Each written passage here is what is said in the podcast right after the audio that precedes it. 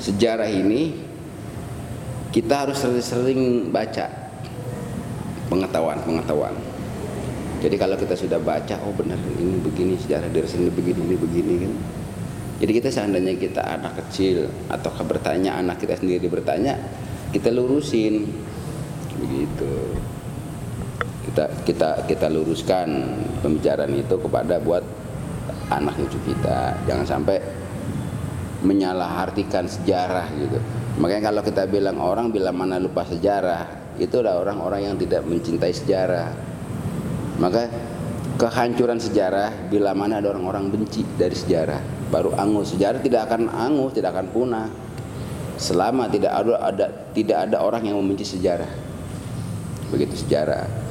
Juga begitunya jangan kita menyalahartikan bahwa sejarah ini seolah-olah kita tahu ataukah kita umur baru kayak saya baru 50 54 saya mengikut berjuang dengan senjata senjata yang mana? Sedangkan merdeka tahun kemarin itu gue belum lahir. Kan begitu. Nah jadi kalau kita menaikkan sejarah yang menulis seperti zaman perang atau bagaimana misalnya gedung juang itu kita harus bertanya sama orang yang lebih mengetahui. Juga jangan mentang-mentang dia tua kalau dia nggak ngerti ya kayak dari kita juga, ya kan? Banyak orang tua tapi nggak ngerti. Dia ngaku pejuang, pakainya aku pejuang, tapi kita putar balikan dia nggak ngerti gitu. Dari umur dia, usia dia kan. Nah sekarang kalau kita merdeka tahun 49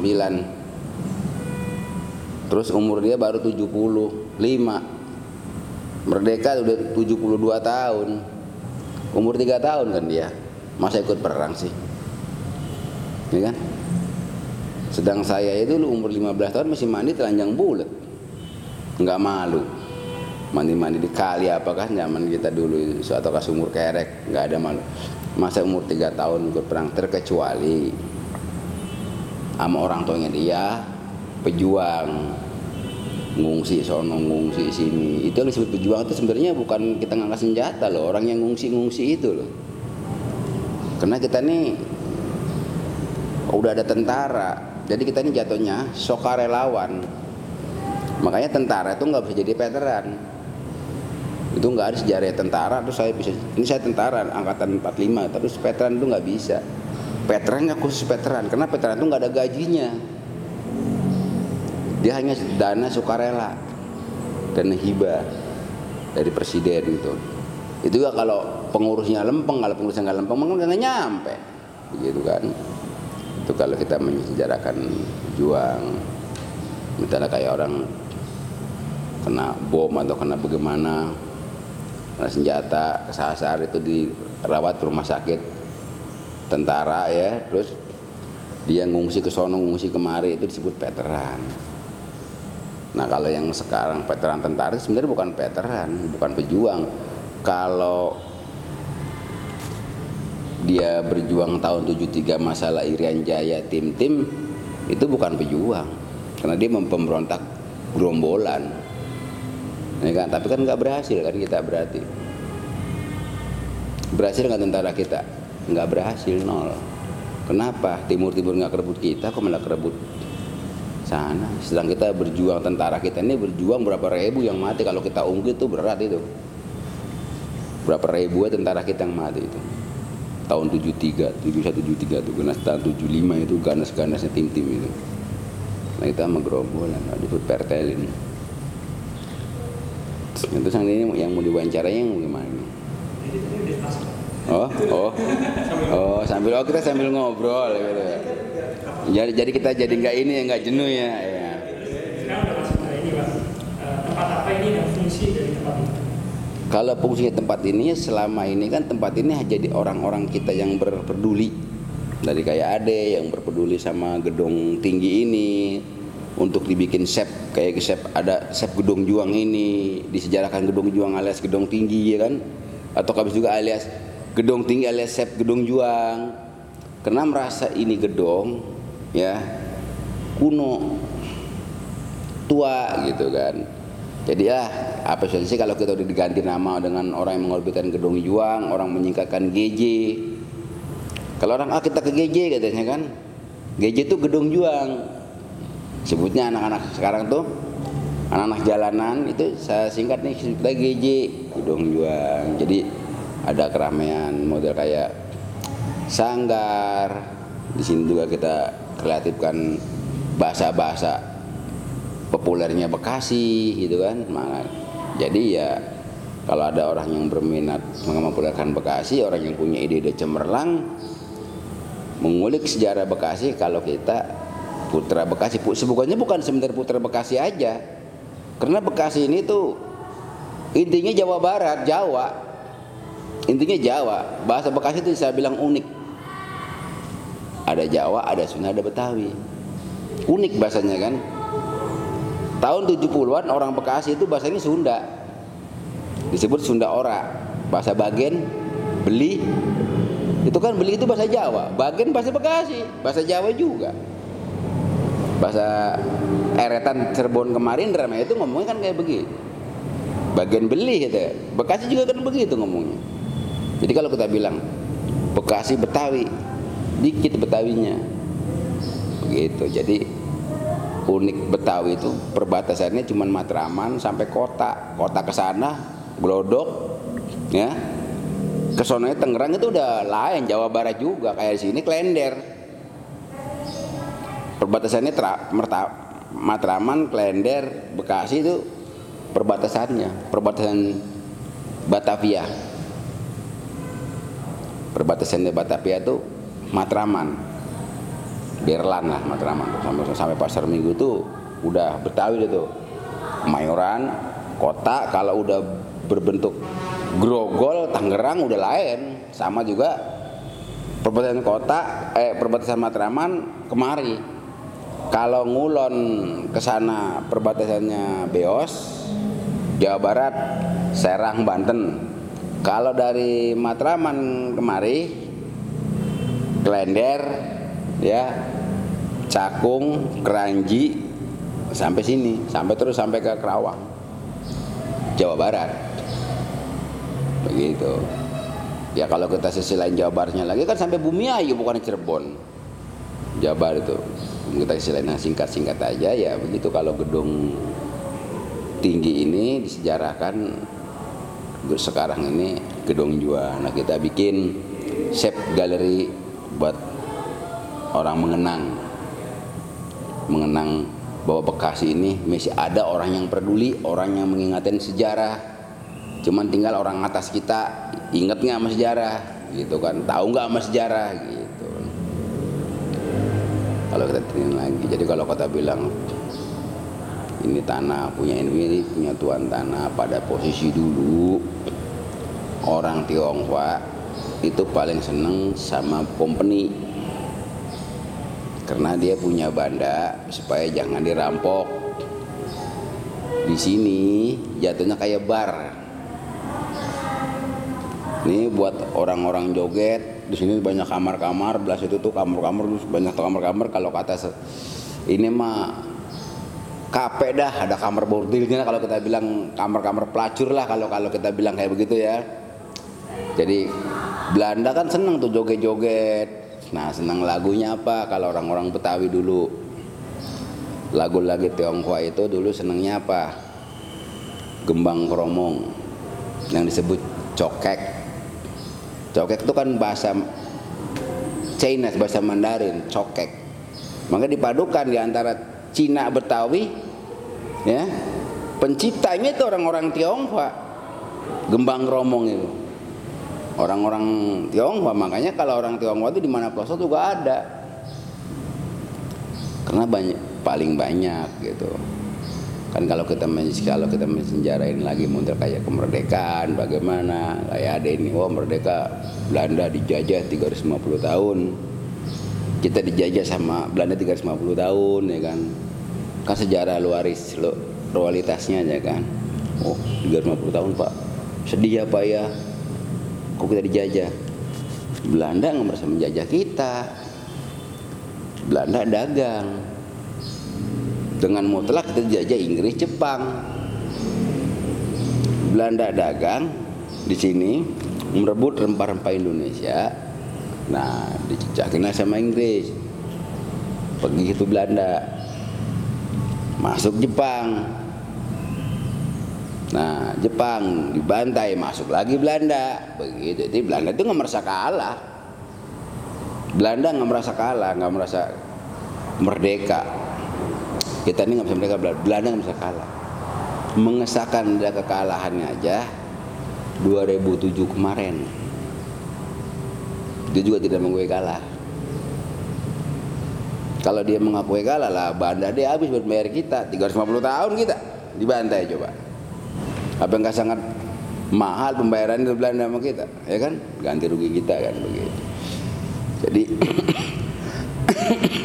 kalau kita tanyakan masalah sejarah Bekasi ini yaitu dari gedung juang sekarang ini bukan gedung juang gedung sejarah supaya orang berpeduli lah sama gedung ini gitu supaya banyak orang-orang peduli dari mahasiswa-mahasiswa pada peduli. Karena kan aspirasi ini gedung ini mau untuk apa? Atau buat cagar budaya atau buat dinas pariwisata ya kan? Nggak ada kayak model kayak kantor gitu. Jadi kita orbitkan seperti kayak kotu. Orang pada lari ke kotu kan? Tapi di sini kok punya sejarah terpencil kok merem gitu. Kok nggak peduli kan begitu. Bahkan orang mahasiswa dari mana-mana pada kemari bahkan pendirinya juga mahasiswa kan. Dari Malaysia datang kemari. Masuk dari Malaysia kuliah di Malaysia datang kemari. Kok bahasanya sangat sayang amat? Ya itu kan bahasa saya. Tapi selama dia berkatakan kayak oh bahasanya kayak situlah bahasanya kok sayang amat nih gedung bersejarah begini bagus kok nggak dirolitasi gitu kan? Kalau selama pejabat tutup mata bagaimana berpotensi? Kayaknya dia masih kurang masih kurang masih kurang kan? Yang ada gencet sini gencet sini nggak bisa begitu. Justru kalau gedung ini kita mau diorbitkannya dari orang-orang kita yang berpeduli. Ini kalau saya kan disuruh nungguin ini galeri ini safety galeri itu. Ya itu tungguin supaya ini stand jangan kosong. Kalau ada orang kan ada tamu daftar tamu nulis.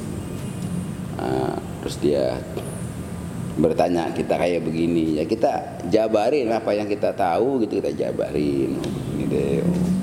kok bisa disebut gedung juang ya sekarang?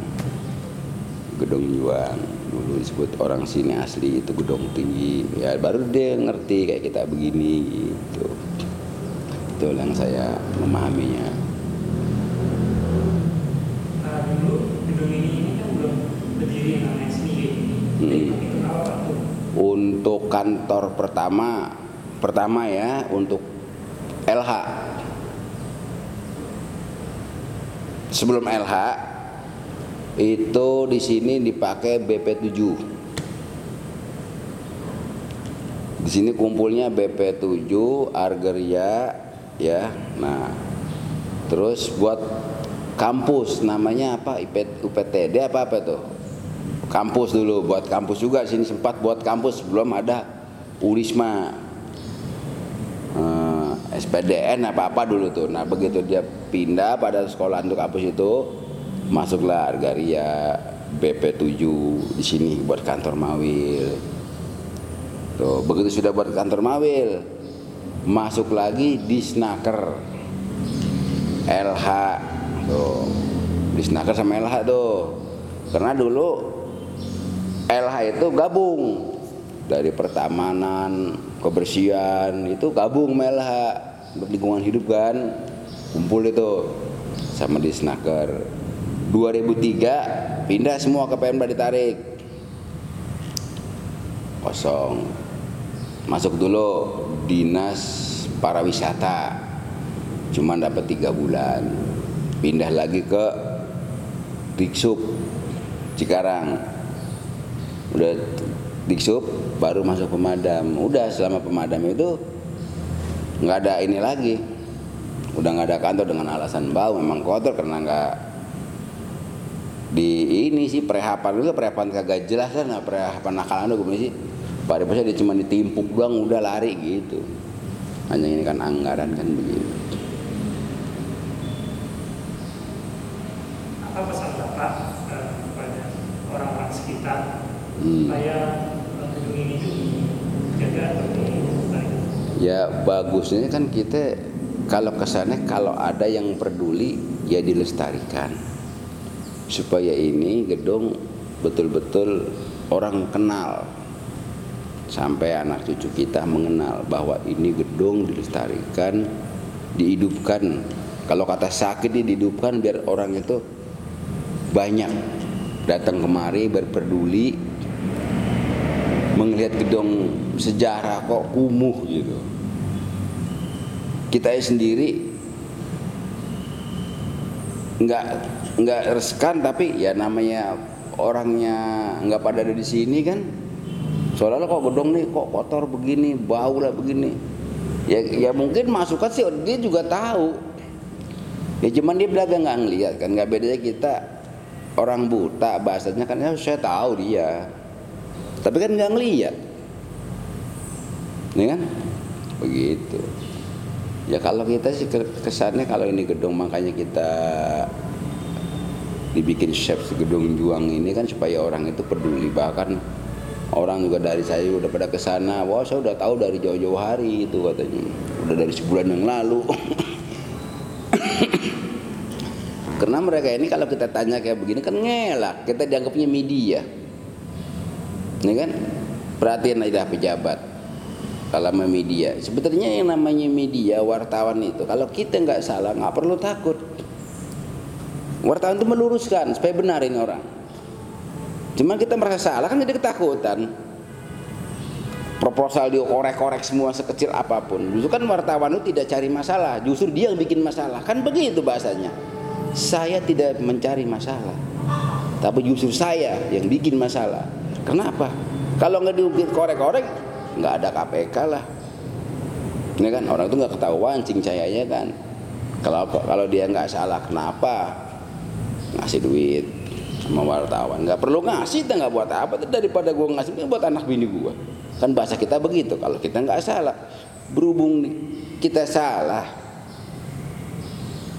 ya kita kasihlah dia. Kan begitu.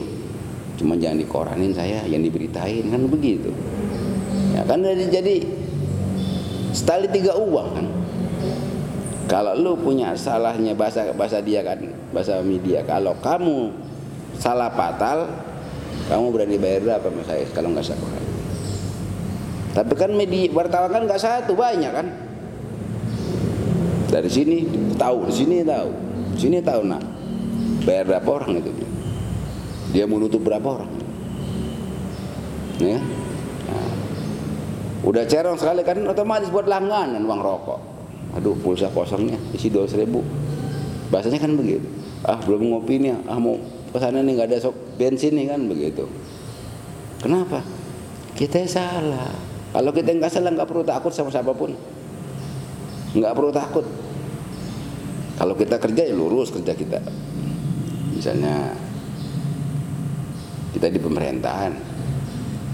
Udah digaji gede ya kan? Udah kita jadi istilahnya jadi mitra negara. Kenapa sih bisa? Kalau nurutin nurutin kurang semua kurang orang jujur ya kalau kita udah jadi kerja di pegawai itu sebenarnya nggak bisa punya mobil lebih dari dua tiga itu nggak bisa. Apa kalau sampai anak kuliah. Hah? Dari mana duitnya? Kalau nggak kan saya bilang di pe- pemerintahan itu gajinya kecil nyolongnya gede-gede. Nyolongnya gede-gede. Nah sekarang kan adanya KPK apa. Ya netepkan saya bahasa saya begini mau adanya siapa? Kalau kita nggak salah terjang nggak perlu takut. Yang kita takut karena kita salah kan begitu. Kita nggak salah ngapain kita takut dia nanya tuh Pak Bapak bangun gedung juang nih anggarannya setahun sekian sekian sekian sekian. Ini setahun perawatan satu miliar katakan bunyinya satu miliar. Ya kan? Bunyinya satu miliar. Tapi pelaksanaannya paling dua puluh ribu. Ke mana itu duit? Ya kan begitu. Kalau wah perhatian gedung juang nih satu miliar setahun. Lah usit permanen. Catnya juga yang mahal ya kan? Nggak main di tempel ulas tempel ulas begitu kena hujan loh. Blepetan. Begitu. Cuman bunyinya satu miliar cuman pekerjaannya ya. Ya kenapa? Dia mencari keuntungan mencari keuntungan. Masuk ke CP ini masuk ke CP ini. Yang punya ini yang punya ini. Ya kan? Jadi sengaja orang pemerintahnya sendiri mau kerja nggak bisa. Mau manggil kuli itu nggak bisa. Sekarang kayak situ punya CP masukin. Situ punya situ, situ, situ punya CP situ orang dewan. Ini pak CP saya. Situ tar punya CP doang modelnya kagak ada. Ngesup lagi nyari orang lagi. Ini saya punya proyek cuman saya nggak punya modal nih. Ini kan? Oh saya siap siap. Nantep PT PT situ. Ini kan kasih ke saya. Saya cupin juga modalnya nih kasihin lagi. Nah sampai sini berapa tuh duit? Ya kan? Karena begitu jadi kebanyakan sekarang pekerjaan di pemerintahan itu kebanyakan diambil pihak ketiga pihak ketiga. Nggak ada langsung dari pemerintahnya mengerahkan cari kuli yang benar yang siap bertanggung kerja itu sekarang nggak bisa. Dengan alasan kok pegawainya pada kerja katakan begitu padahal memang tugas perintah. Ya kan tinggal dia cari mandor cari karyawan kerjakan. Kalau kita misalnya pasang tembok di PT miring sedikit dirubuhin. Kalau di pemerintah nggak kagak miring. Wah ini miring nih nggak bagus. Oh, bagus pak. Foto aja bilang bagus ah. Tinggal konsultannya samperin ini begini nih kurang tinggi. Udah pak bikinnya tinggi. Udah rapi. Yang penting kan tinggi ini ditambal semua kan. Biar cair kan begitu. Itulah di pemerintahan yang selama ini dijalanin. Ya, dari zaman kita ininya mah kalau sejarah mendetail dari ininya belum pernah. Nggak tahu saya cuman dulu waktu saya ini 2005 loh eh 95 itu cucunya kemarin ini di sini masih gambar kuda mulu nih. Ini kuda mobil kodok. Di sini di kuda dia ya diliatin fotonya sama saya kuda-kuda apa. Sampai dia tuh menanyakan tempat tidur. Tempat tidur ranjang di sini masih ada. Oh nggak tahu oma. Sedang saya di sini baru dua. Dia kecilnya di sini cucunya di 80 tahun dia masalah jalan kereta yang di belakang ke gedung Jektor gitu kan. Justru kan bulog dulu tuh gedung gede itu sejarahnya yang saya tahu. Kalau kita ngambil panjangnya aja ya nggak nggak ngerti lah. Saya zaman 84 aja dulu sini itu yang saya bilang ya buat kampus sebelum Unisma. Belum ada universitas perguruan tinggi di Kabupaten Bekasi perguruan tinggi di Kabupaten Bekasi tahun 75 74 itu. 75 ya belum ada masih apa sawah merawa itu. Mall itu. Belum ada. Orang saya dari Manggarai ke Cikarang naik mikro aja pergi pagi datang sore. Lama ya bukan main naik mobil. Karena jalannya macet jauh sekarang kan udah usai rame Bekasi. Begitu deh yang saya tahu.